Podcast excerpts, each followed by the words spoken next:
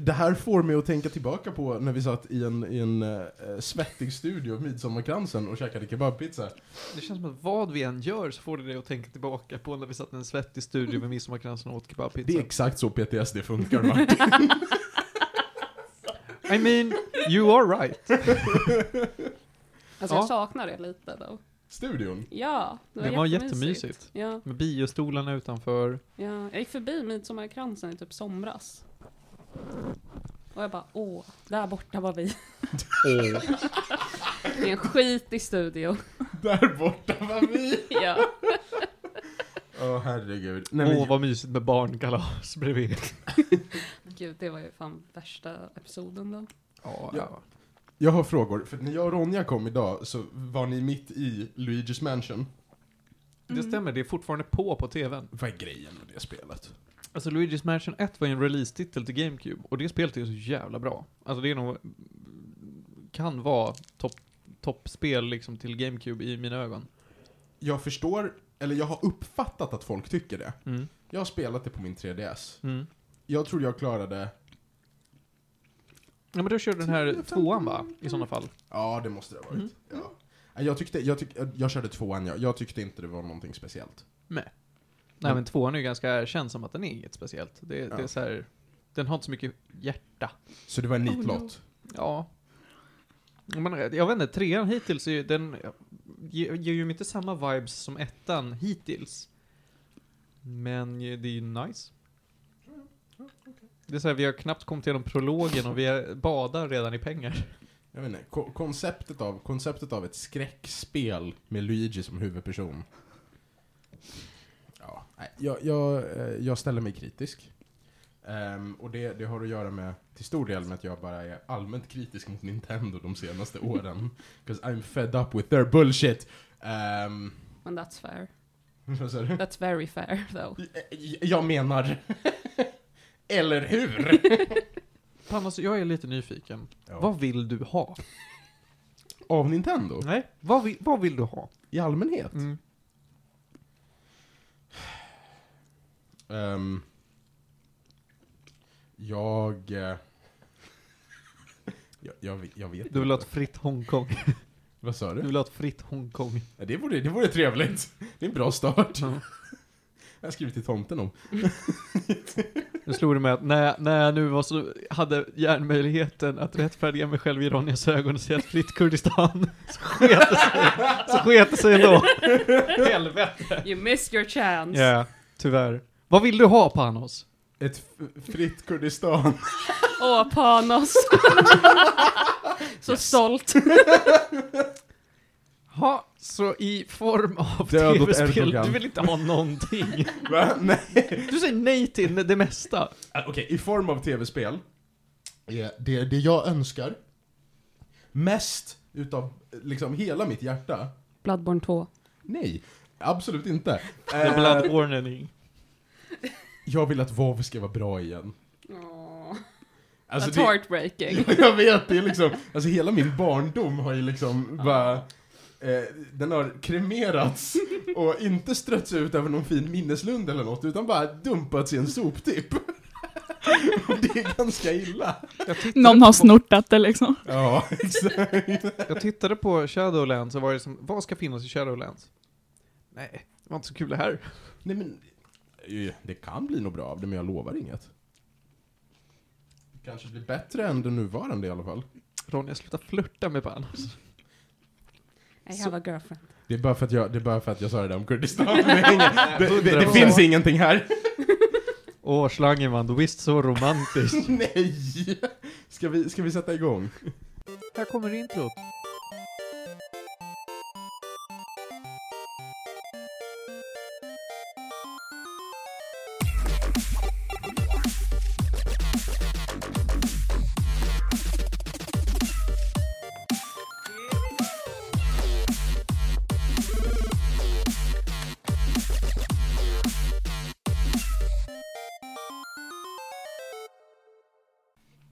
Hej allihopa och välkomna tillbaka till Medis Radio! Idag är det den 25 januari 2020 och eh, vi är tillbaka. Och jag får fan inte göra introt längre. Nej. Martin försökte göra intro två gånger, han var på tok för offensiv för att publicera på internet. Han nu, frågade till dig på allt. tyst med dig, nu är det jag som har tagit över. Nu mutar du hans mick. Jag mutar hans mick. Jag heter Panos Tetufexis och med mig här i studion har jag Ronja Budak, Hej! Julia Terstol Backlund Hallå, hallå. Och Martin Lindberg. Ja, nu är det jag som gör introt här. Välkomna till Meris Radio! Ja, in, introman. Ehm, idag har vi så jävla mycket att snacka om. Och det, dels för att Ronja har samlat på sig ett halvår av grejer, för hon har fan inte varit här. Nej, Nej, vad har du gjort det halvåret Ronja? jag har pluggat och spelat två spel. Ja, där ser ni, mycket saker. Vet du vad Ronja? Ja. Nu eh, har jag då, för första gången sedan jag fick tillbaks det, öppnat min låda med Kingdom Hearts i. Okej. Och så såg jag din lilla vackra lapp du la i den. Ja, just det. Det var jättefint. Hände Du håller typ, på att gråta nästan. hände för typ ett halvår sedan. Jag kände att så här, ja, här har jag tjatat på att jag ska ha tillbaks och så öppnar det inte. Och så har jag Nej. till och med gjort det. Mm. Ansträngningen att lämna en fin lapp. Jag blev jätteglad. Jo, du hade väl sett den? Jag hade inte öppnat lådan, jag har inte sett någon lapp. Okej. Vad var lappen? Men det var en, en liten... eh, En kärleksfull note. Mm. Då vill jag tacka honom för att jag fick låna spelet. mm. Mm. Det var på lite såhär Nintendo DS-lapp, liksom såhär brevpapper. Det var jättegulligt. Oh my god, vad effort. Men jag lånar ut spel till kompisar får jag bara aldrig tillbaka dem. Men, ja, Kingdom Hearts. Ja. Nice. ja, det har vi redan snackat om tyvärr. Ja, jag Och vet. det jag är ju vet. någonting vi ska prata mer om idag. För att i förrgår så släpptes Kingdom Hearts 3 Remind DLCn. Och, och vad, vad händer där då? Ja, det ska, vadå, ska vi gå in på det direkt? Kör! Okej, fair enough. Fucky shit händer. Vi vet ju nu att det finns ungefär 12 stycken Kingdom Hearts-spel. Inte bör- 13. Eller kanske är 13, jag kommer inte ihåg. Jag Det- skojar. Mm, och 13 är ett magiskt tal i Kingdom Hearts-världen. Ja, just det. Ehm, men, om vi sä- säger så här, då, i stora drag, så är, man ska behöva spela alla de jävla spelen för att fatta någonting. Det som heter Kingdom Hearts 1 är inte Kingdom Hearts 1, det är typ Kingdom Hearts 3.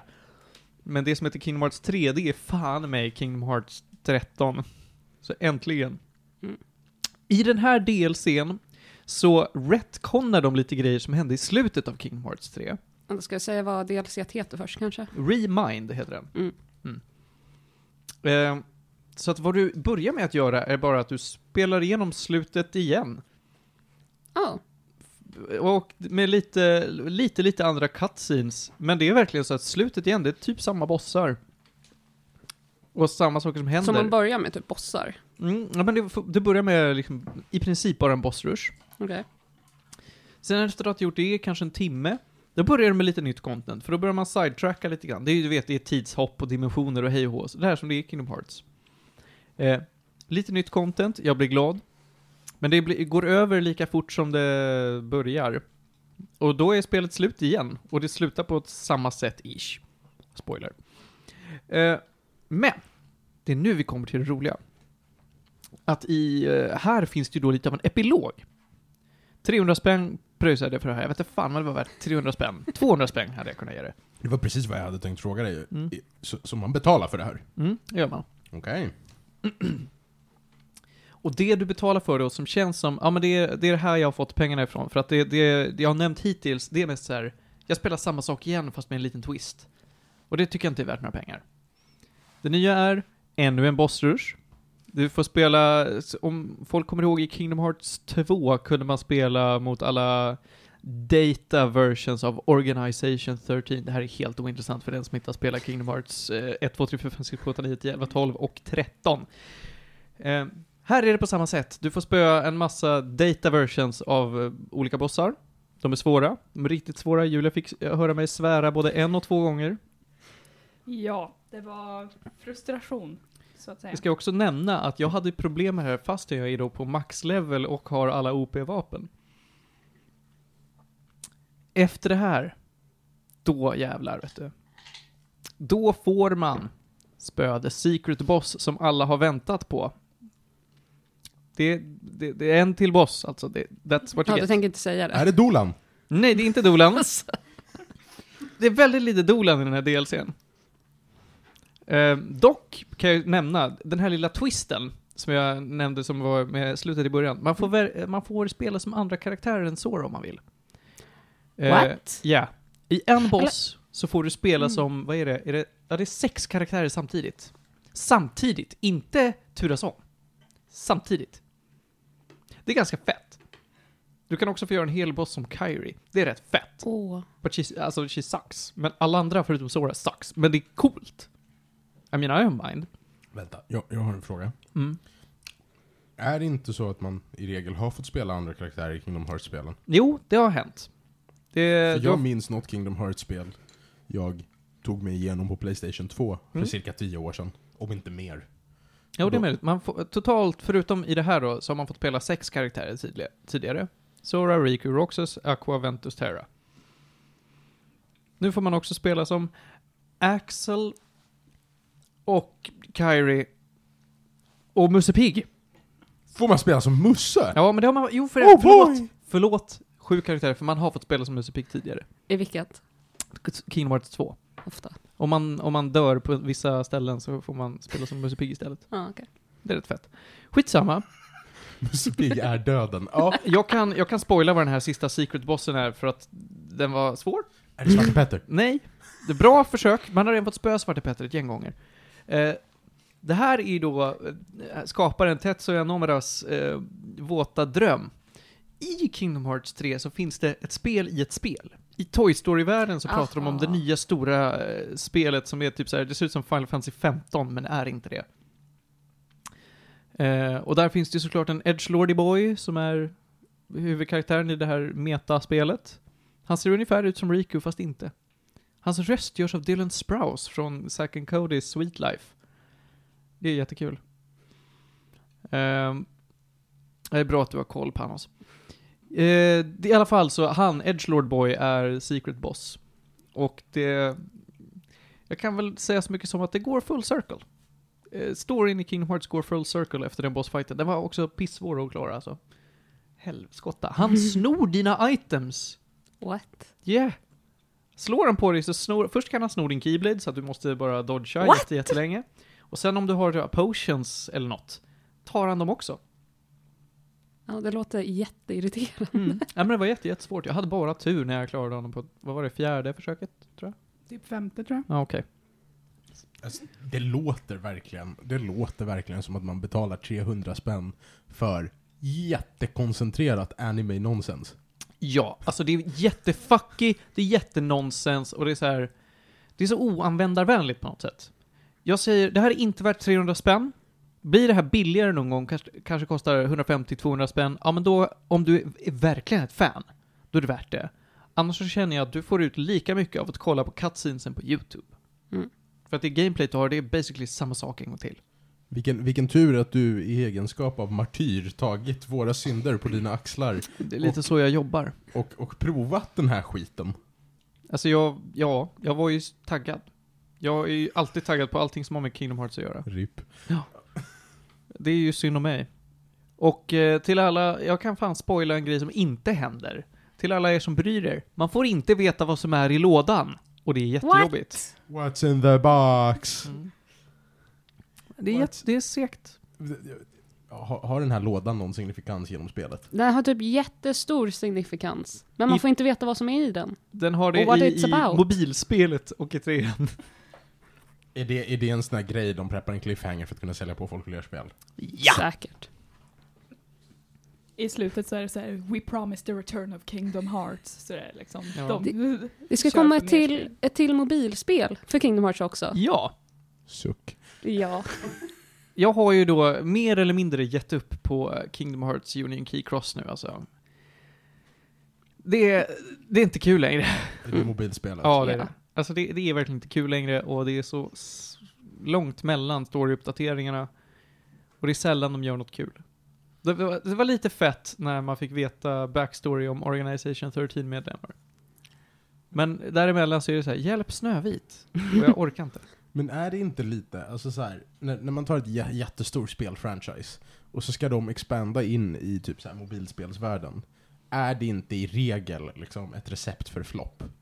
För att jag, jag kommer ihåg när Assassin's Creed skulle göra den, liksom, den flytten. Mm. Jag tycker inte det blev någonting extraordinärt bra av det.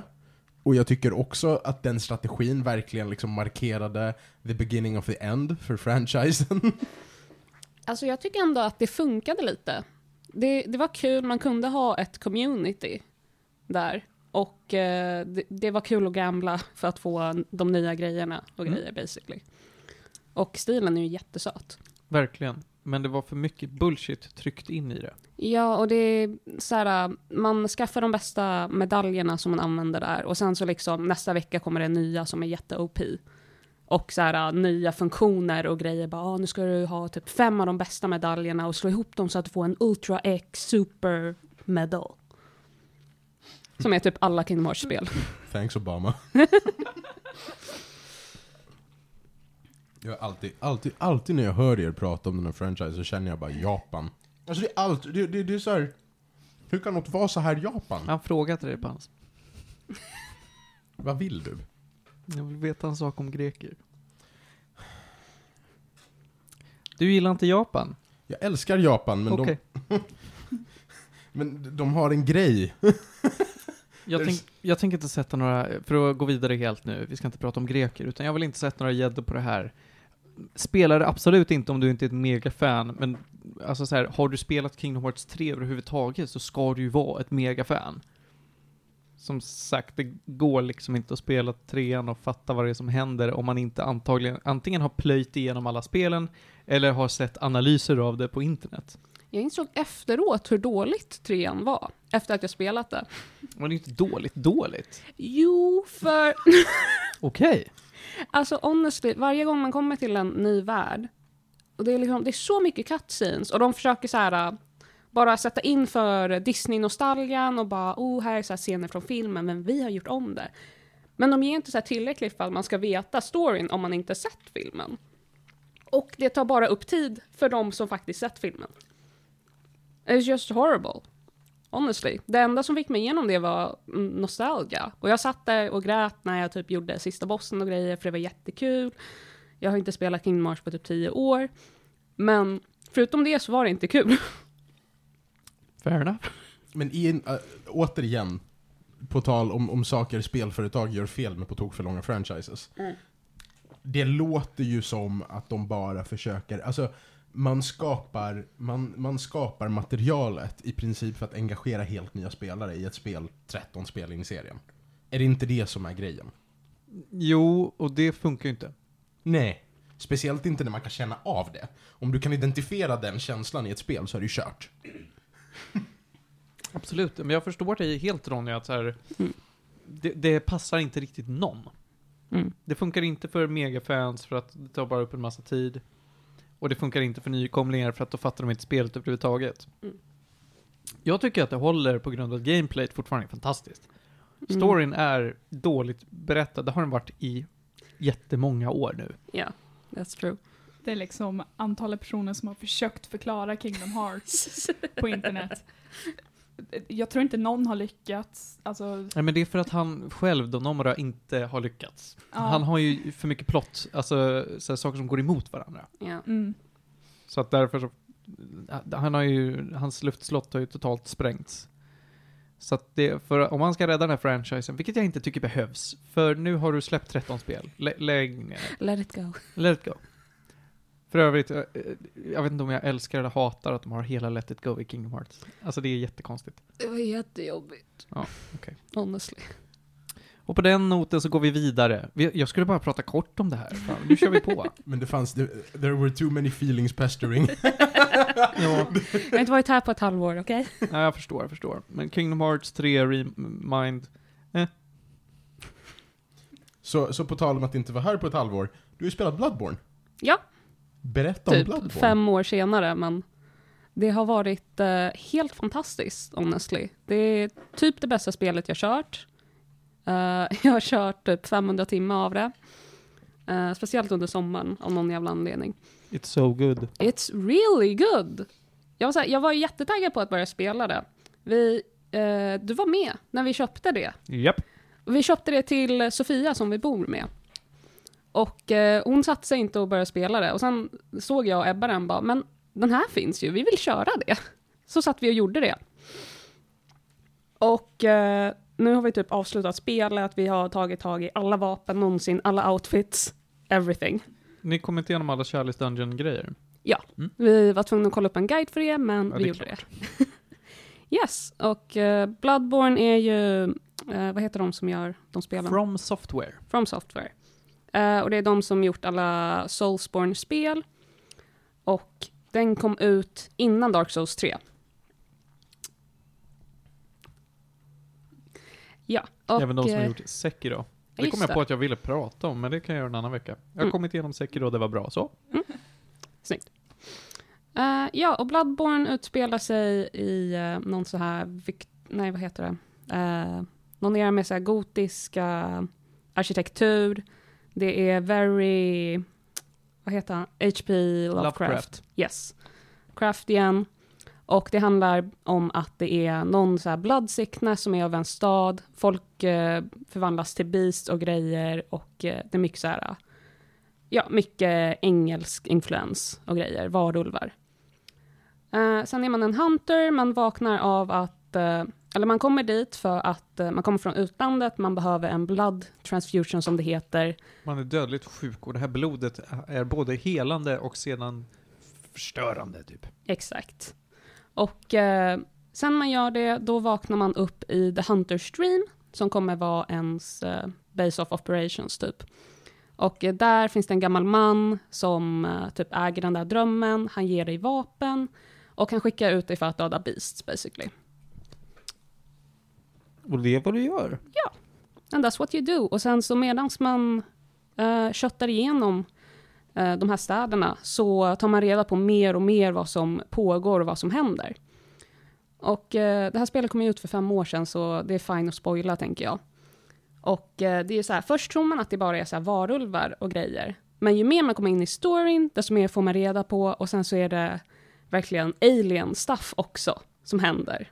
Och det var vi inte alls beredda på. Även om det skulle vara var probably typ super obvious. Ja, yeah, det var en jättebra twist och sen så liksom bara fortsätter det. Det fortsätter bli bra, det går uppåt och det är superspännande all the way through. Eh, uh, DLC också fick vi tag på efter typ tre veckor, eller en månad efter att vi körde klart spelet typ. För det var jättesvårt att få tag på som fysisk kopia. Uh, och det var också helt fantastiskt. Bara mer av det goda när det gäller story, mer av det goda när det gäller gameplay. Ja, alla alltså, de är ju väldigt designs. duktiga på level design. Ja, det var helt otroligt honestly. För jag, så här, jag har kört väldigt mycket Dark Souls 3. Och hela tiden tänkte jag bara, ah, nu kommer det en ny eh, Bonfire eller Save Point snart. Men så kom det inte. Och istället så fick man unlocka jättebra shortcuts som spridde sig över typ hela banan på ett jättesmart sätt så att man kom tillbaka till samma hela tiden. Och det var jättekul att se. Ja, Men det är ju From Softwares eh, verkligen forte, att de kan designa nivåer som är perfekta. Både hur de placerar fiender, hur de eh, då bygger eh, världar liksom vertikalt och inte bara horisontellt. Mm. Så att du går liksom upp för en backe, ner för en annan backe. Det känns som att du har gått jättelångt i en riktning och så boom! Nej, du har bara gått i en trappa, spiraltrappa hela tiden. Ja, och det är helt fantastiskt. jag så- älskar Bloodborne jag med. Mm. Och eh, de har ju det här speciella med att eh, man har ett mainvapen i högerhanden och sen har man ett subvapen i vänster som oftast är en pistol. Och ens mainvapen, den kan alltid trickas, som det heter. Och då blir den som en annan form. Så om man har typ eh, en saw cleaver som är ikoniskt för Bloodborne, då kan man fälla ut den också. Och då blir den ett tvåhandsvapen va? Nej, det Nej, blir den inte. okej. Man får längre räckvidd och den gör typ mindre damage.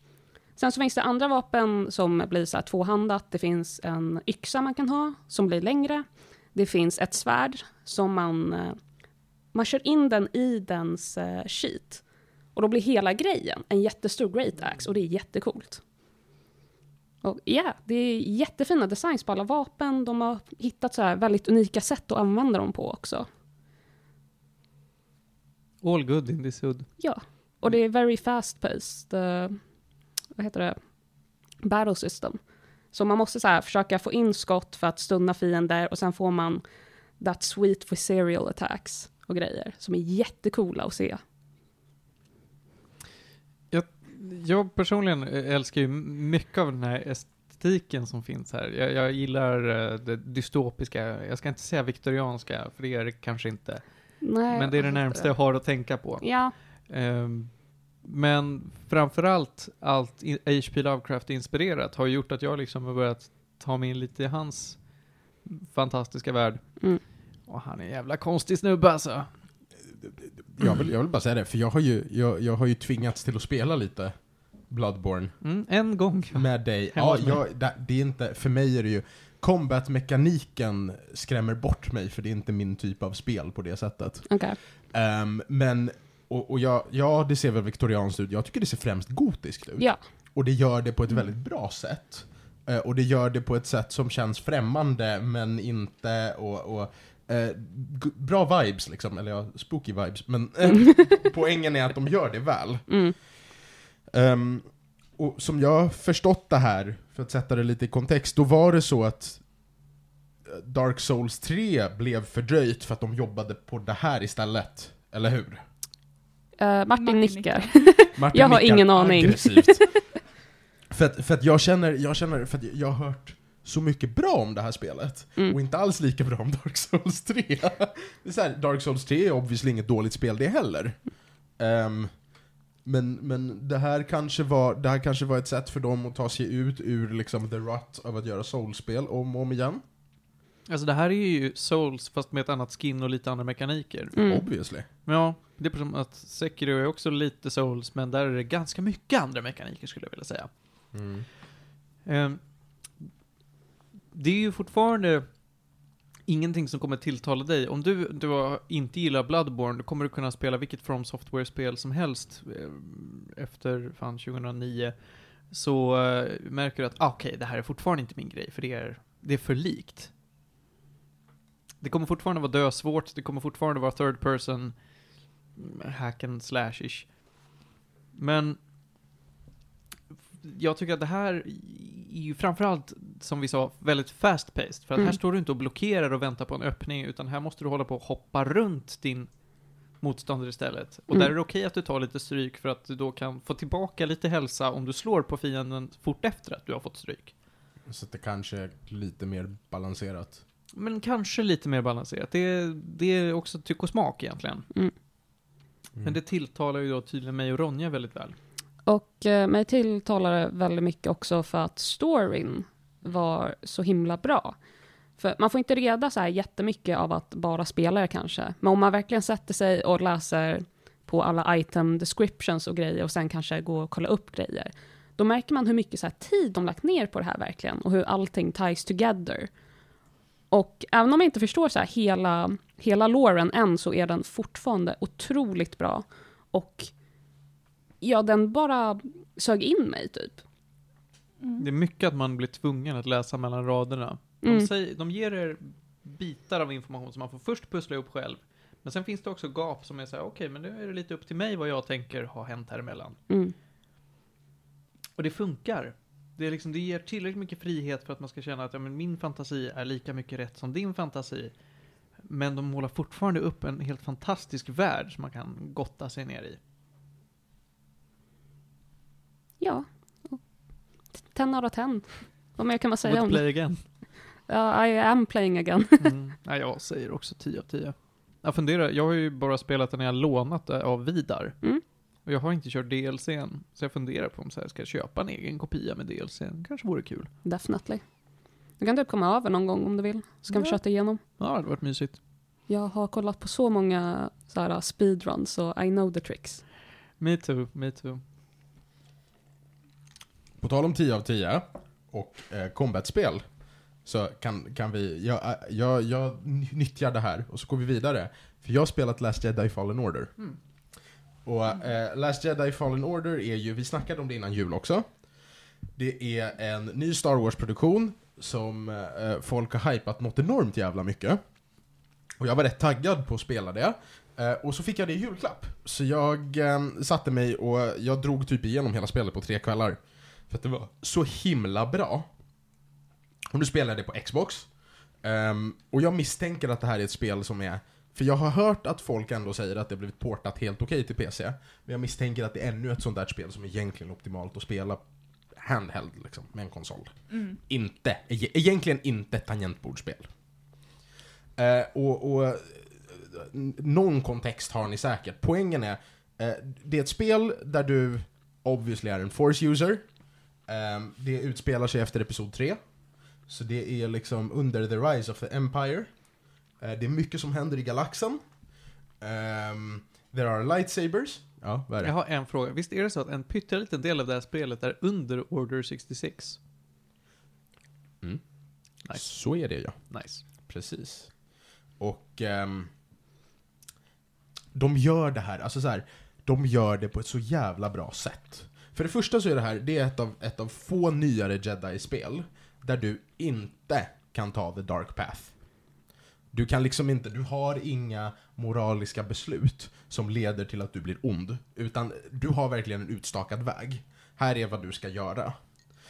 Um, och det är också, precis som det har varit trendigt på senare tid, så är det så att questsen ligger liksom på lite olika planeter och du kan själv välja i vilken ordning du ska disponera din tid och liksom gå tillbaka och göra sidequests. Och det är inte jättelinjärt, utan det är precis lagom linjärt.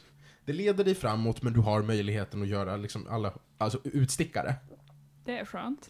Det är fantastiskt skönt. Vet, det finns alldeles för många spel där det är antingen så här jätteopen, man bara jag vet inte vart jag ska, eller när det är jättelinjärt, man bara ja ah, men alltså det är typ jag spelar igenom en film. Ja men exakt. Jag har ju, alltså det är ju det. Witcher 3 har jag inte kunnat ta mig in i. För att det är så öppet. För att du går tre steg efter tutorialen och sen har du åtta quests i olika håll. Eh, Star Wars Jedi Fallen Order, du har grejer du behöver göra. Och sen har du så mycket av världen du kan utforska runt om. Eh, för att eh, han, Cal Kestis, som man spelar, som är den här eh, jedin då, han har ju en, eh, en av de här lite mer ovanliga force-krafterna där han eh, kan, kan se liksom, minnen på olika platser av saker som har hänt. Så på så sättet har de liksom fixat collectibles. Så att du hittar små kistor med olika liksom, cosmetics, och det är verkligen bara utstyrsel, liksom. det, det är bara det. Så att du behöver inte samla dem. Och sen kan du gå runt och plocka upp minnen av saker som har hänt på olika platser. Som alltid är liksom perfekt tie-in med loren på den planeten du är på. Allting är komplementärt till det du håller på med, men det är aldrig nödvändigt. De har verkligen så här balanserat det perfekt. Och det syns, det syns att Respawn har fått göra det här spelet själva och att EA inte har lagt sig i. För att allt, alla små grejerna bara bidrar. Och de gör det på ett bra sätt. Ehm, och jag vet inte hur mycket mer jag kan säga utan att spoila. Men det är... Mm, mm, det är jättebra lightsaber combat. Visst är det rätt svårt också? Ja, det är därför jag kopplade det här med Bloodborne, för att de har ju följt trenden av att melee combat ska vara lite, det ska vara lite utmanande. Du behöver vara bra på att göra parries, du behöver vara bra på att göra dodges, du behöver vara väldigt bra på att hålla koll på din omgivning. Ehm, och du får väldigt mycket i din combat av att träna upp dig på att spela spelet bra. Jag spelade igenom det på lägsta svårighet. Inte utmanande combat om man spelar det på lägsta svårighet, men man känner fortfarande att man måste liksom göra det. Du kan inte button masha igenom det. Nej, du kan inte det. Även på lägsta svårighet kan du inte button masha dig igenom det. Och det, där kände jag att det var helt okej. Jag gillar att fokusera på storyn, men man ska ändå känna av combaten. Och det är också, det är ett, det är ett Star Wars-spel där du har i princip aldrig valet att snika längs med en vägg och undvika combat, utan du kommer behöva slåss. Och du kommer behöva lära dig att använda din lightsaber ordentligt och, och liksom göra det väl. Och jag tycker, jag tycker de har gjort det så bra. Jag brukar inte gilla spel som tvingar mig att öva upp timing typ. Men, men här är det, det, det känns nödvändigt och det lönar sig. Alltså så himla väl. Eh, högt rekommenderat. När kom det ut? Kom väl ut typ nu i vinter. Alltså, Ja, det var väl november, december till och med. Så ny, ny. ja, november. November kom det ut i. Wow. Ja, ja det har kommit ut nyligen. Ehm, och det är ett sånt här spel, skulle man betala 300-400 för det på en rea, Mm. så skulle det typ fortfarande vara värt det. Som sagt, jag tog mig igenom main storyn på 3-4 kvällar. på lägsta svårighet. Men det har mer tid att ge, för att man kan verkligen samla allt och liksom göra det ordentligt. Och utmana sig med lite svårare combat och sådär. Och du har ett talent tree du ska fylla ut och det lönar sig också att faktiskt liksom grinda lite XP och göra det. Och, alltså det, det är mycket som finns att göra runt den här fantastiskt uppbyggda storyn. Och det absolut bästa de har gjort, och det här är en liten spoiler men det har pratats om så mycket på internet så att folk får ta det. Det är att Darth Vader dyker upp, för att vi befinner oss liksom under perioden då han i princip jagar ner de sista jedis för att liksom utplåna dem. Darth Vader dyker upp och eh, det här spelet gör det så mycket bättre än typ alla andra spel där Darth Vader har dykt upp. För i väldigt många Star Wars-spel så dyker Darth Vader upp och så börjar man duellera honom på liksom jämna villkor. Och i det här spelet så är det liksom Darth Vader är Darth Vader. Han dyker upp och gör kaos. Visst dyker han upp i Force Unleashed? Oh ja, Ja. en hel del. Ja. Och i Force Unleashed kan du ju, du kan ju välja att döda honom. Hmm. Eller The Emperor. Det är ju liksom så här. ja, kul. Vad är kanon? Ja, precis. Vad är kanon? Eh, 300 kronor. Ehm, högt, det, det här är så här, jag kommer inte ge den 10 av 10. För att en 10 av 10 ska vara ett svårt score. Men den får en solid 9. Och eh, definitivt ett spel man ska plocka upp. Alltså egentligen även om det inte är på rea. Om man gillar Star Wars. Coolt. Då går vi vidare i programmet. Ja, tack. Vad sägs om att vi går från eh, folk som har mind powers till annat folk som har mind powers? Jaha. Jag tänker mig Vampire the Masquerade Bloodlines. Okej, vad är det här? Du har ingen aning om vad det här är? Nej men jag har, jag har typ så här sett en poster för det eller Mm. någonting. Ronja, vet du vad det här är? Ja, jag tror det. Mm. Men det finns väl en remake av den också? Det ska komma en uppföljare. Ja, just det. Det var det. Vampire the Masquerade är ett tabletop RPG. Ungefär som Drakar och Demoner eller eh, Western eller Dungeons and Dragons eller vad fan det kan vara för någonting. Eh, fokuserat på då vampyrer i en modern värld. Bloodlines eh, kom ut 2004, eller hur Julia? Ja, jag tror det var 2004 eller 2003. Utvecklat av ett gäng som heter Troika Games, som är typ 10-20 pers. De är Mm. jättefå. Och det var det första spelet som eh, utvecklades och släpptes i Source Engine. Alltså Half-Life 2-motorn typ. Eh, och det märks verkligen inte att det är typ 10-15 pers som har jobbat på det här. Det är väldigt, väldigt, väldigt eh, ja, bra för att vara det helt enkelt. Det är ett 18 plus-spel. Det svärs mycket, det är mycket blod, en del sex. Eh, du är en vampyr. I, någonstans i Kalifornien, du börjar väl i, ja, någonstans i Los Angeles liksom. Panos, du ser så himla skeptisk ut att jag kommer av mig. Jag tittar på bilder, kan du... Eh, det ser ut som ett spel byggt i Steam-motorn 2004. Fortsätt. Det, därför så är du skeptisk direkt. Nej, jag är inte skeptisk, jag, jag är bara... Intresserad.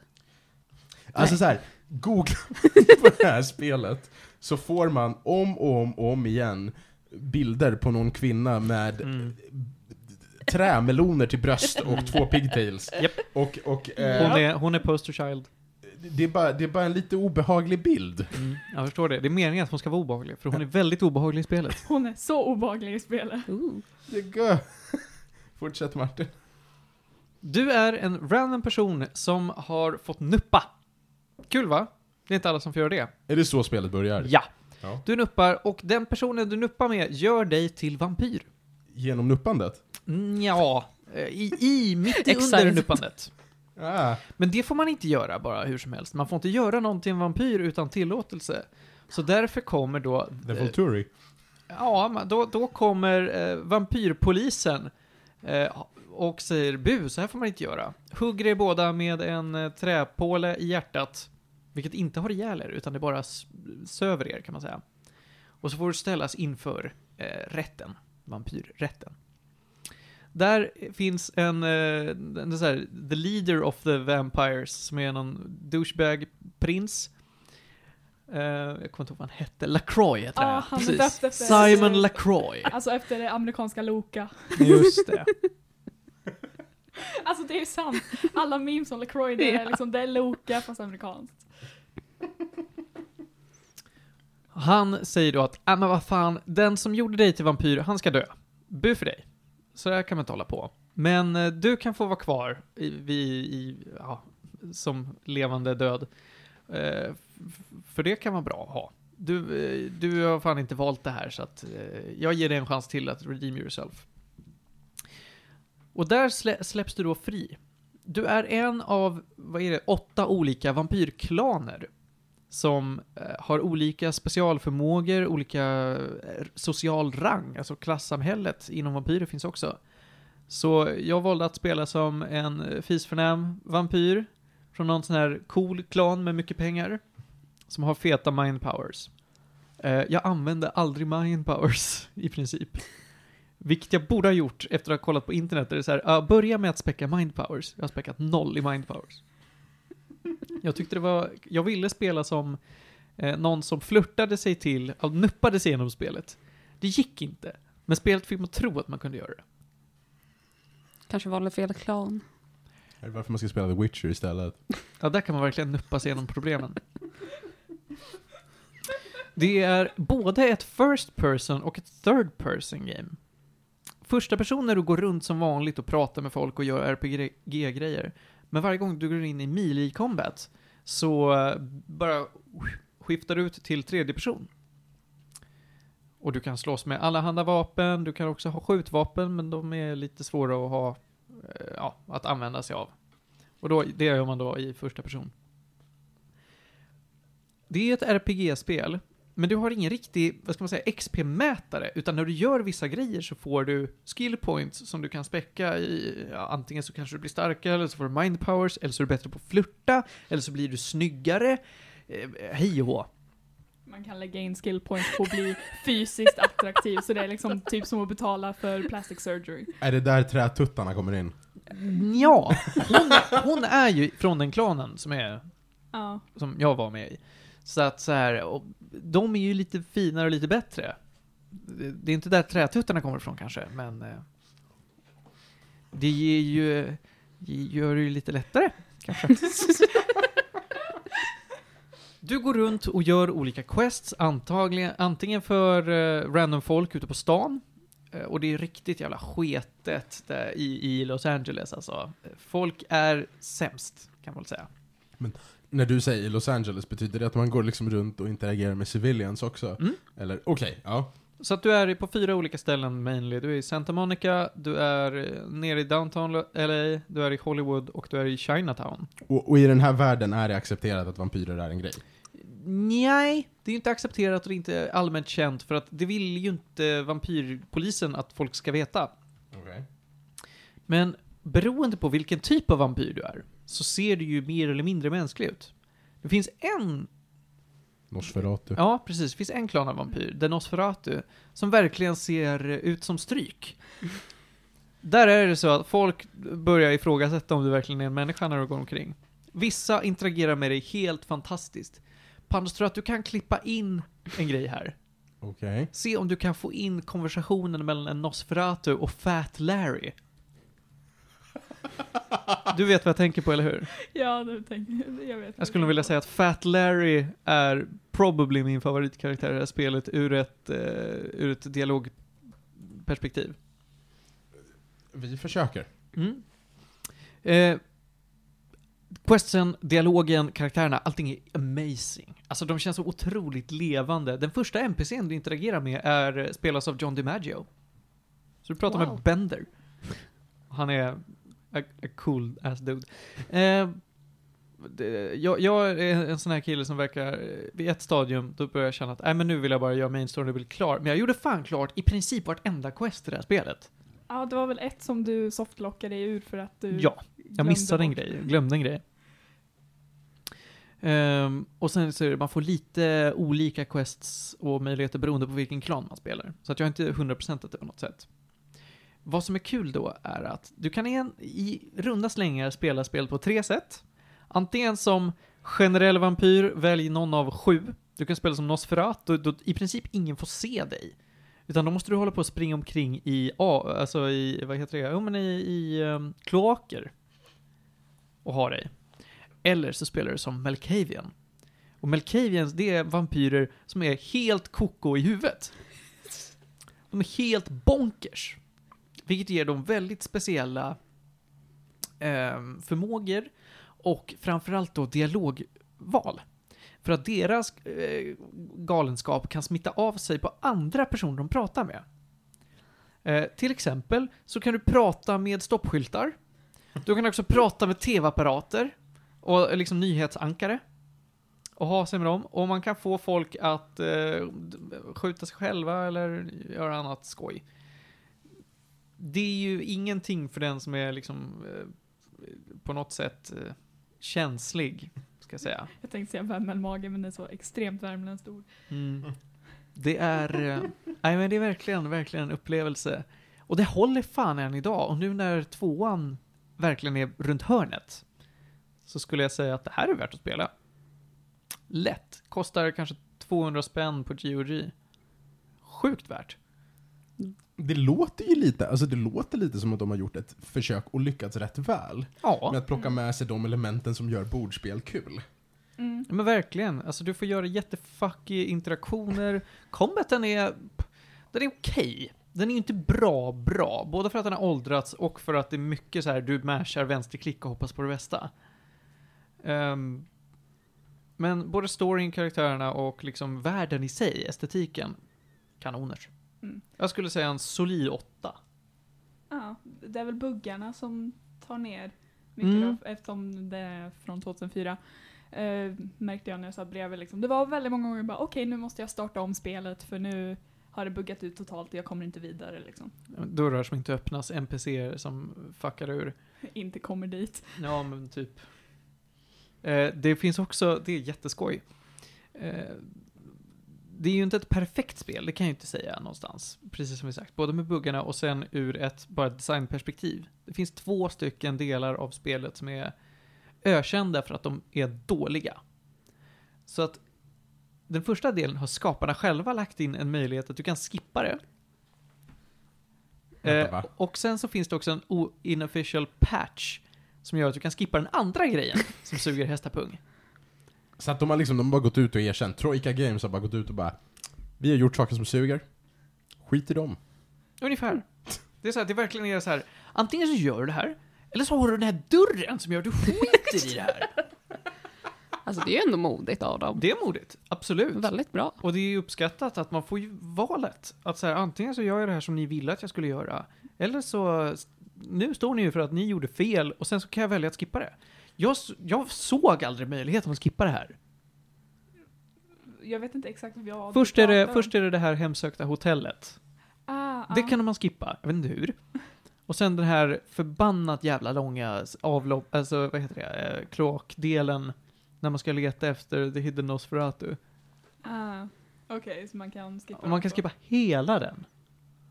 Och det är, jag tror att det var så här fyra timmar jag var fast i, i samma kloakbit. För att det, det är en labyrint som man ska lyckas ta sig ur och den är så dum. Och det är 2004 så att det är så att det är inte uppenbart vad man ska gå eller vad man kan göra. Jag tycker dock, alltså jag tycker så här, hela den här grejen med att här har vi gett dig sätt att skippa sketna speldelar på. Det är en sån 2004-grej. Alltså det är sånt ingen speltillverkare hade gjort idag. Nej men alla är för stolta Ja. över sig själva. Det är bara, vi har lagt 800 studiotimmar på segmentet där du ska sko den här hästen. och det är liksom... och så ska man få lida igenom det. Det är liksom, om spelet är så där folk slutar spela så är det bara att de till slut bara stänger av support liksom. Det är inte, de vågar inte liksom stå upp för sina grejer. Nej, Ja. gud, nej, nej, nej, nej, du ska helst bara få det sålt. Och som händer därefter? Nej. Nej. Någonting jag kan komma på som nästan sa upp sin stolthet, det var ju Mass Effect Andromeda. När hela Mm. alltså communityt sa alla karaktärer ser helt döda ut eller bara inte naturliga ut. Halp. Och de sa okej, vi löser det. Just Vi försöker i alla fall. De gjorde sitt bästa, det är, det är fortfarande inte ett bra spel någonstans. Jag har inte nuddat Andromeda. Nej men gör inte det. Men det är ju inte lika dåligt som det var vid release. Mm. Jag testade Andromeda typ ett år efter tror jag. eh, För jag hade Origin Access. Access. Ehm, nu har de ju bytt namn på det för att de har tre olika tiers. Ah, ja. Och Origin då, Access Basic har jag. I alla fall. Eh, och då var det liksom att ah, men karaktärerna ser bättre ut. Man kan inte spela som kvinna, eh, kvinna fortfarande för att hennes modell är bara jätteskum. Jag fattar inte vad de gjorde. Jag kom igenom hela spelet som kvinna och jag kände mig aldrig investerad alls. Mm. Jag har läppar som, fan, såna här godisläppar. Luscious. Vilken, vilken jävla... Luscious. Vilken jävla besvikelse efter att fem käpp var så jävla bra i originaltrilogin. Ja, det är the only Ja. chip. Fan, kan inte hålla på, vad, vem är mail chip? Det finns inte. Det är fan trash. Um, nåväl, v- som sagt, det här spelet får en 8 av 10 av mig. Spelare. Jag säger det att så här, det absolut, kör hårt. Spelare, och eh, en hint till alla. I början, spela bara melee. Mot slutet, spela bara ranged. Okej. Ja, Ja. gjorde inte jag. Vi går vidare i agendan. Ronja, vad står på agendan? Du sitter här och sover. Ja, det gör jag. Ja, det är okej. Ehm, just det. Vad var första spelet du ville snacka om? Ursäkta. Väl Um, Fallen Order? just det, sorry. Jo. Men, Sorry. ehm, jag, tänkte, jag tänkte, det kan vara värt att nämna. Vi sitter ju alla här och helt självklart är involverade i The Witcher. Ja, Netflix-serien ja. Oh ja. Mm. Ehm, och... eh, Sitter du just nu och tallar på Henry Cavill? Va? Nej. Nej. Eh, men jag, jag har något annat på skärmen, jag kommer till det. Men, Okej. nej men så här, The Witcher, som har kommit ut på Netflix. Mm. Ehm, jag och Ronja har tittat klart på det, Mm. för vi är drivna människor. Ni på andra sidan bordet, vad har ni att säga? Ronja eh, och Panos, ni har ju inte brutit benet till skillnad från Julia. Jag har stukat fingret. Nästan samma sak. Ni blev inte inkörd på liksom, operation samma dag som ni bröt benen i Östersund. Ehm, Har de ingen Netflix i Östersund? Ah, Jag hade fan ingen internetuppkoppling i Östersund. det har varit svårt. jag förstår det. Shoutout till Östersund. Shoutout till Julia. Ja. Eh, Shoutout till Julias lårben. Wherever you might be in the world. Oh, God. Eh, men ehm, vi kom till avsnitt fem, sex. Jag tror avsnitt fem. Ehm, jag har åsikter om kostymer. Berätta! Um, basically tycker jag att många sidokaraktärer har bra kostymer, många huvudkaraktärer, nej. Speciellt Jennifer, jag bara, alltså hon ser ut som en så här edgy tonåring på 2012-talet som ska på bal. Ehm, har jag att säga om hennes kläder. Ehm, jag tycker det är lite intressant hur de blandar stilar, så jag hoppas att deras nya costume designer för säsong två är bättre. Jag de gillar göra att de mer? blandar stilar då. Såklart de ska göra mer. Kan, de, kan folk sluta göra mer? Men, men det, det, Gör mindre. så här.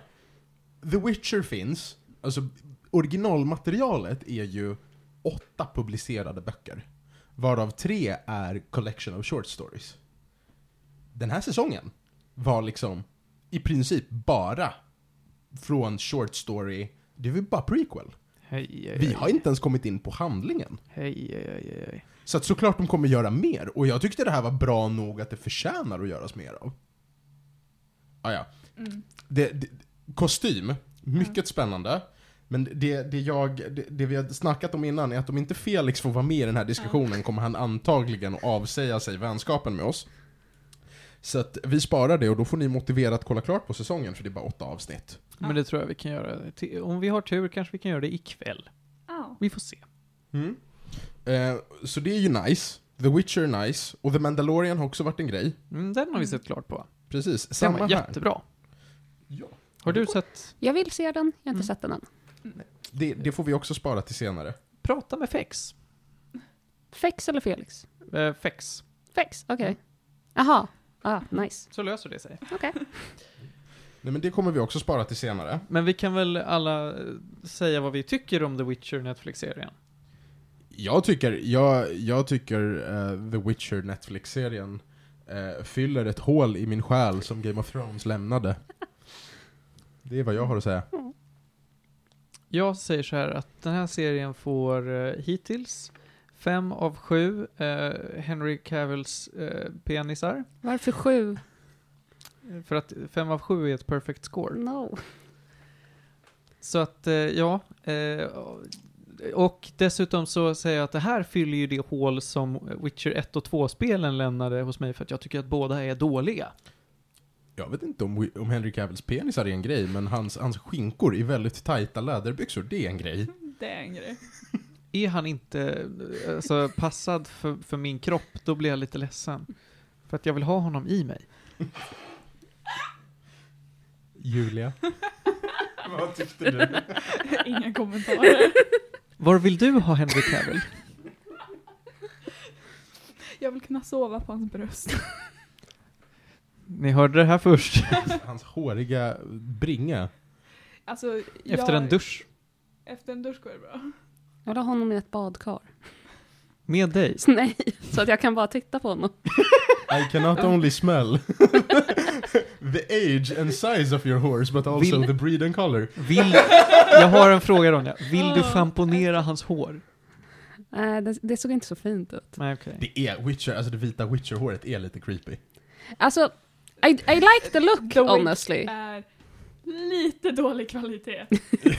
alltså, det, jag kommenterar på det här att man märker rätt väl att det är en wig i vissa scener. Ja. För att de har inte blandat in det väl i huvudet. Det är liksom så här.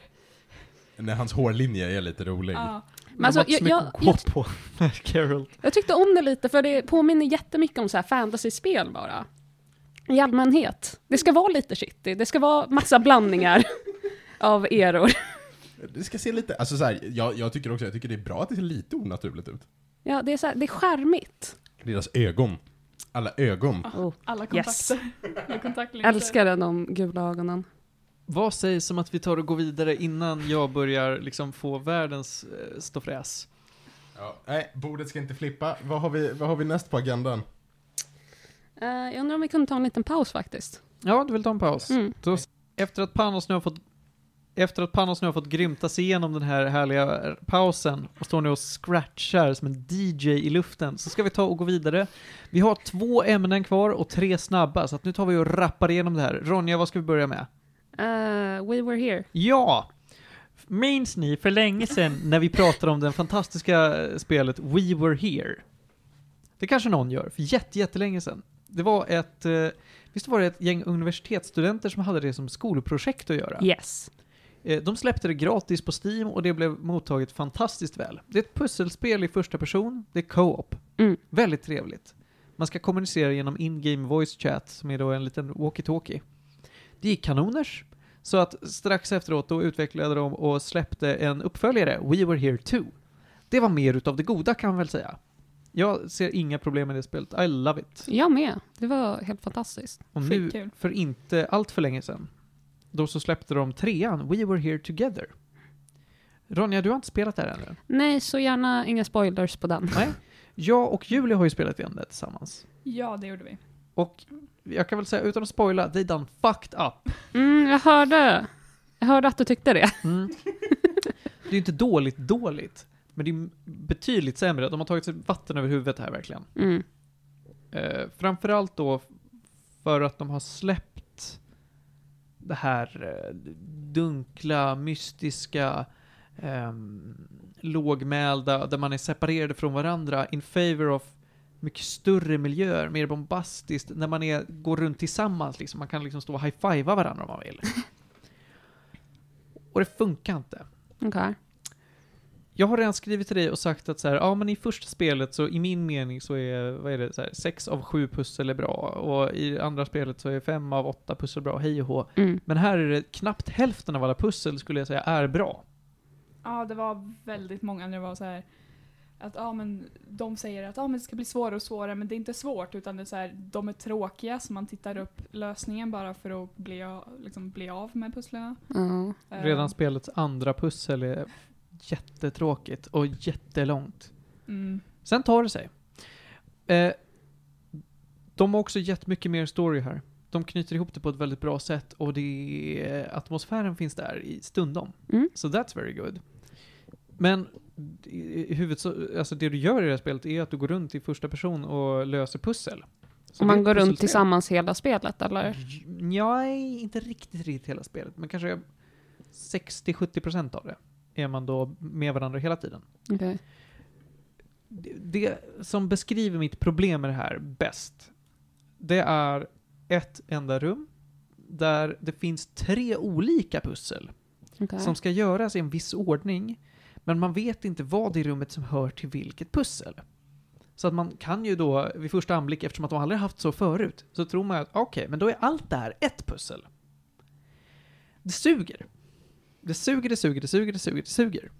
Och det gör mig så ledsen när de eh, har valt att göra på det här sättet, när de kunde ha följt sin traditionella formel som funkade jättebra.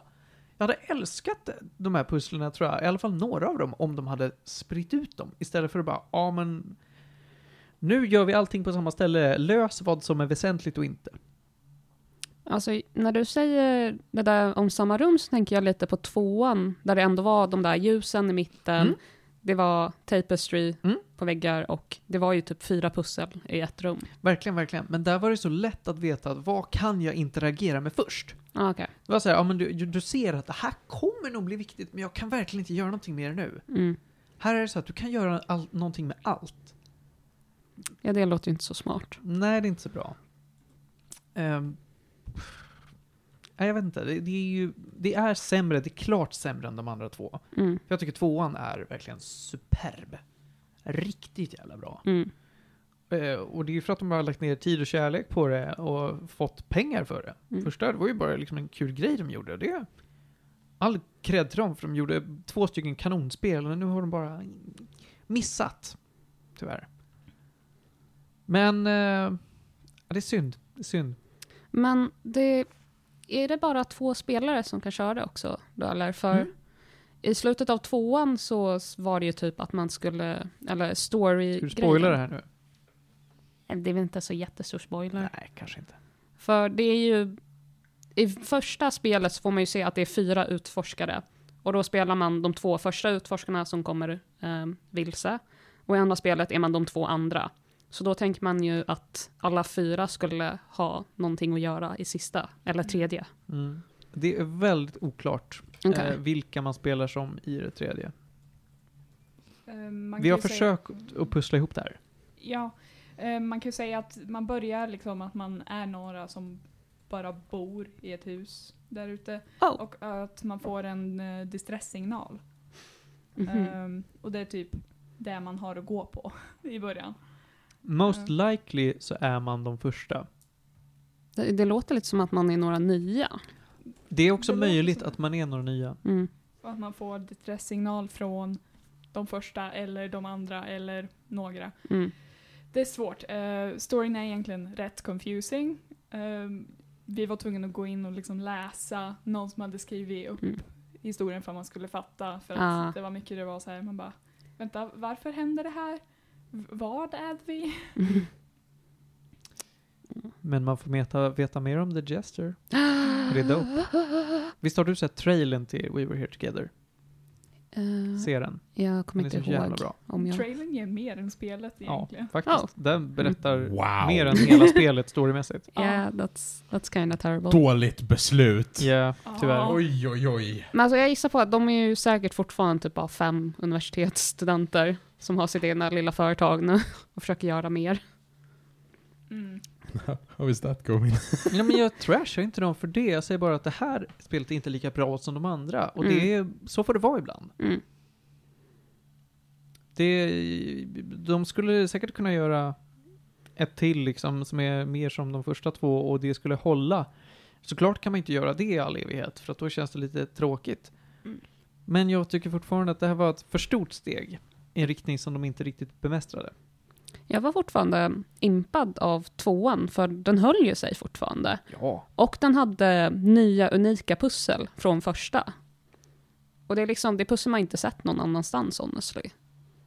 Alltså jag skulle gärna spela igenom trean med dig. Mm. Eh, bara för att det, det är ju fortfarande ett okej game. Mm. Ja, jag ska ju definitivt köra igenom det. Jag tror jag köpte det redan också. Ja, det har du gjort. Call me up. Hur Yes. funkar in-game voice? eh? Du trycker på en knapp och då så aktiverar du din uh, walkie-talkie. jo men funkar den okej liksom? Vi har aldrig provat för att vi alltid Vi pratat över Discord, Discord. istället. Ja, det gör ni helt rätt i, men jag, jag tyckte ändå... Men det är ju funktionen för att man ska kunna köra med andra spelare online. Mm. För Mm. de har ju satt upp det så att man ska kunna göra det. Mm. Så att i teorin ska du spela med främlingar. Ja, om, eller det fin, det går att göra det om man vill. Men Finns till och med så att du kan joina en eh, server på nederländska, italienska, spanska eller engelska. Mm. Kan man griefa folk på något sätt? Man kan säkert trolla jo, jo, folk. det kan du göra. Det kan du göra. Eh, det finns ju vissa så här pressure plates som att om man går du av den här nu, då dör Ja. motspelaren. För jag tänker på Magica. Mm. Det är inte lika lätt att griefa folk, men det går ju. Ja. Ja, okej. Magica är ju mysigt alltså. jag kan inte tänka mig att det här skulle vara så jättekul att köra med en främling då. Det finns ju inget återspelningsvärde med en främling. Nej, Alltså fatta att en person har kört och den andra inte och det är en främling som kör. ja. Så här, ehm, Man måste ju så här, äh, kunna kom, kommunicera med varandra rätt väl och då, då är det här spelet perfekt för typ vänner att köra. Ja. det som är charmen är ju aha-upplevelsen man får tillsammans. Mm. Så kanske lite som att spela Portal. Men inte efter att jag har varit ute i 15 år och alla vet. Ja men ungefär... Jag skulle, ja men det, det är väldigt jämförbart faktiskt. Du kör Portal 2 där en har kört det och den andra inte. Där är det max en person som har kul. Nej. Max en person. Ja men om båda har kört det förut, då är det ju som när du och jag håller på och speedrunnar We Were Here liksom. För att få alla achievements. Det är ju kul på ett annat sätt. Alltså jag tänker, man kommer ju inte ihåg alla pussel i Portal 2 ändå. Så man Nej. går ju ändå, måste klura på det. Jo, även men om man kört det. Säger att det har gått fem år sedan vi körde We Were Here, då kommer man ju inte heller kanske ihåg dem till punkt och pricka. Mm. Det kanske inte är helt jämförbart. Jag ska faktiskt, jag har precis byggt en dator till min flickvän Astrid. Mm. Och jag tänkte att Portal 2 ska bli det första vi spelar tillsammans. Åh, vad eh, kul. Nu när vi båda har varsin dator. Så att jag återrapporterar om ett tag. Så får vi se eh, hur mycket, för, för jag är så här, jag tror att jag minns Portal 2 men... You, you never do, Nej, honestly. exakt! Vill du ha tips på bra co-op-spel? Huh? We Were Here. Aha! Mm. Tack så mycket. Alltså om du inte kört det så borde du definitively köra det. Mm. Det är helt otroligt. Verkligen. Det är liksom... mm, Jag tycker inte det går att jämföra det med något annat spel. Typ inte det är riktigt, riktigt bra. Det närmaste jag kommer på är liksom Portal 2. Toppen. Cool. Ska vi gå vidare till dagens sista ämne? Ja. Mm. Ja, du över det.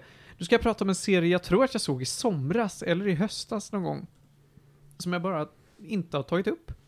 Och det är en serie på HBO som heter Euphoria. Euphoria, det är en ungdomsserie. Är, det, är det här en sån här grej du har kollat på på mitt konto? Ja, Ja. jag är en liten motherfucker. Vet du vad jag också har tittat på på ditt konto som jag skäms över? Vad? Shrek 4. Oj. Och den var så jävla dålig. dig. Fy fan vad hemskt. Den var jättedålig. Min lillebror försökte försvara den filmen. Vilken av dem? Vincest. Fuck Ja. him. Ja, Ja, okej. ja. Euphoria är en ungdomsserie som ta- tacklar de här svåra ämnena va. Men gör det ganska opretentiöst. Det är inte så att det laddas allt för mycket, utan det är så här, ja men det här händer och det är en grej och de försöker inte ta sig ur det. Det är inte som att våld i relationer är dåligt eller knark är bajs, utan så här, ja men man kan knarka och det är ju, det finns konsekvenser, men det går att ha ett drägligt liv ändå typ. De försvarar inte, men de klankar inte ner på det. De Mm. visar båda sidor av myntet och det är bra. Huvudpersonen spelas av, jag kommer inte ihåg vad hon heter egentligen, men hennes artist... Ja, men hennes artistnamn är Zendaya. Som är eh, nya Mary Jane i Spindelmannen.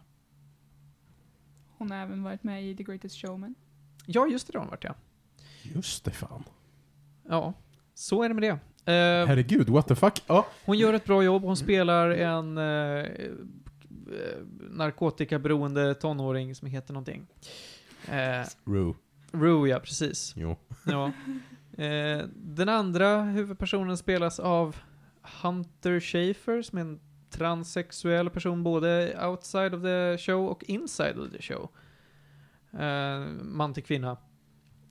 Och det, det är ett big theme. Och någonting som har gjort att den här serien har blåst upp. Att säga, wow!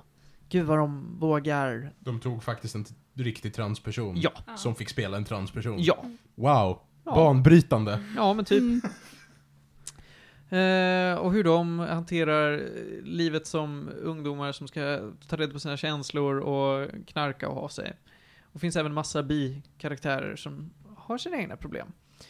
Ehm, ja, men jag säger så här. Jag gillar den här serien skarpt. För, jag vet inte varför jag gillar den egentligen, för att den, det är en ungdomsserie. Jag är inte alls target för den här. Men jag tycker den är jättespännande, karaktärerna känns väldigt... De flesta känns ganska äkta. Det finns några som är så här, nej men nu får du fan... Nu får du tänka som en person gör och inte som en sås. Uh, men stor tumme upp.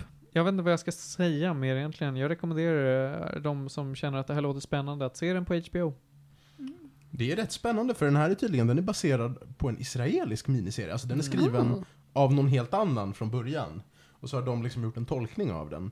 Och vad jag har förstått är väl originalserien också rätt populär. Ja, men den här är, tar ganska mycket friheter. Men får jag, får jag fråga en grej? Eh, för att när jag, när jag tänker på det här med serie om ungdomar och, och svårigheter i livet och eh, som har varit jättepopulär, då tänker jag ju på Skins. Mm. Ah. Men jag tycker inte Skins tog ämnena på allvar riktigt alltid, utan man eh, sålde ut sig till förmån av drama liksom. Eh, och, och det är väl kanske det som är bra med den här, antar jag? För det låter på dig som att det är... Den, Säljer inte sig själv. ja, kanske? Nej, men det är väl att den, den säljer sig själv på andra sätt för att den vågar göra det som ingen annan serie gör. Den har riktiga transpersoner med och den har ett icke-pretentiöst budskap som de låter riktiga människor förmedla. Jag vet, jag vet verkligen inte. Jag vet inte. Jag bara säger buzzwords för att det är så det känns. Okej. Men det, inte, det känns inte pretentiöst till skillnad från typ eh, 13 Känns den reasons fake? why. Mm. Delvis för att det är väldigt mycket av så det är för mycket för att det ska vara äkta. Men skulle man isolera alla situationer och storylines så känns det ganska äkta. Så är varje storyline för sig, för sig själv är liksom att ja men det här kan hända. Ja. Men att det händer samma karaktärer i en hel serie känns väldigt skumt. Liksom. Också Mhm. de konflikter som uppstår är så inte tropy. Alltså det, man, man tror att man ser vad det är som ska hända. Men oftast så är det så att konflikterna löser sig liksom inte. Eller så är, tror man att det är en konflikt, men så är det inte det. Det är en tjej som råkar bli camgirl. Råkar. Ja, råkar-ish. Det var inte liksom hennes intention. Men sen så tror man att så, åh nej, det kommer bli ett jättestort problem för all, hela världen kommer döma henne. Men hon mest rycker på axlarna, köper det och sen så lever hon sitt liv som camgirl. Och Okej. har ett annat liv vid sidan av. Och jag bara, "Ha, det var inte alls vad jag trodde skulle hända. Det är nästan som att människor är nyanserade. typ. Okej, så att rekommenderad. Ja, men faktiskt. Jag tycker den är rekommenderad. Jag ger den så här kanske 7 av 10, 3 av 5. Så här, ja, det är inte perfekt, men sevärt. Mm. Spännande.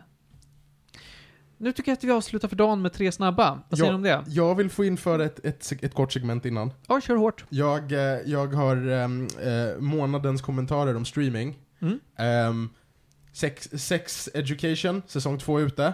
Den ute? Den är ute. Helvete. Är ute. Det säger, jag, det säger jag ja till. Titans säsong två är ute. Det säger jag nej till. Nej, men det kan ju inte vara bättre än Yikes. första. Vilket Big var yikes. sämst. Ah, ja. Eller det kan, det kan inte vara sämre än första, förlåt. Nej, men det säger inte så mycket heller. Ny, nya säsongen av Sabrina kommer ut. Oj, oj, oj. Jag har fortfarande inte sett Sabrina. Det behöver du inte göra. Nej, just det, det var den som var Det är inte så de bra. som gjort uh, Riverdale. Just det. Oh yikes! Det var Ja. ha Haunted Exakt. House on the Hill man skulle se, inte Sabrina. Ja, Mm. definitely. Men okej, tre snabba. Tre snabba. Veckans spel, det blir då Hades som är på gång. Av, eh, vad heter de? Supergiant Supergiant Games. De som gjort Bastion och Transistor och Pyre och hej och vi är så jävla taggade! Jo! Testosteron. Jag kan lite skamset säga att jag äger både Bastion, Transistor och har ja, haft Pyre. eh, och att jag inte har spelat klart något av dem. Alltså det är ju Bastion du ska fokusera på. Ja, Jag började spela det och tappade mig rätt fort. Jag vet inte om det är spelstilen som jag bara inte gillar faktiskt. Då använder du bara fel vapen. Eh, veckans film, Reservoir Dogs. Tarantino-rulle, min favorit Tarantino-rulle skulle jag Samma säga. här. Bästa Tarantino-rullen. Ja, det, alltså det är de här tre som ligger uppe på toppen och skrapar för mig. Det är Hateful Eight, det är, eh, eh, eh, vad heter den då? Inglourious Bastards. Och det är Reservoir Dogs. Fy fan vad bra de är. Mm. Men Reservoir Dogs är veckans tips. Mm. Eh, veckans band blir den här veckan. Greta Van Fleet. Det är ett eh, battleband kan man väl säga, låter lite som Iron Maiden, lite Megadeth. Good shit, good shit. Mm. Eh, kan, är det ett 80-talsband kanske? Nej, det är rätt mycket ett kontemporärt band. Kontemporärt band, det har Ja. hållit på ett tag. De, men de är, lite, de är lite retro i sin stil. Mm. Men det är lite poppis med lite 80-tals metal just nu, så det är väl inte så konstigt. Nej. Coolt! Där har ni i alla fall eh, veckans tre snabba och där tar vi avsluta hörni. Tack så mycket för att ni har lyssnat den här veckan. Hoppas inte att pizzan har hörts i mikrofonerna. Och så får vi önska er en trevlig helg. Puss och kram och nyp i stjärten.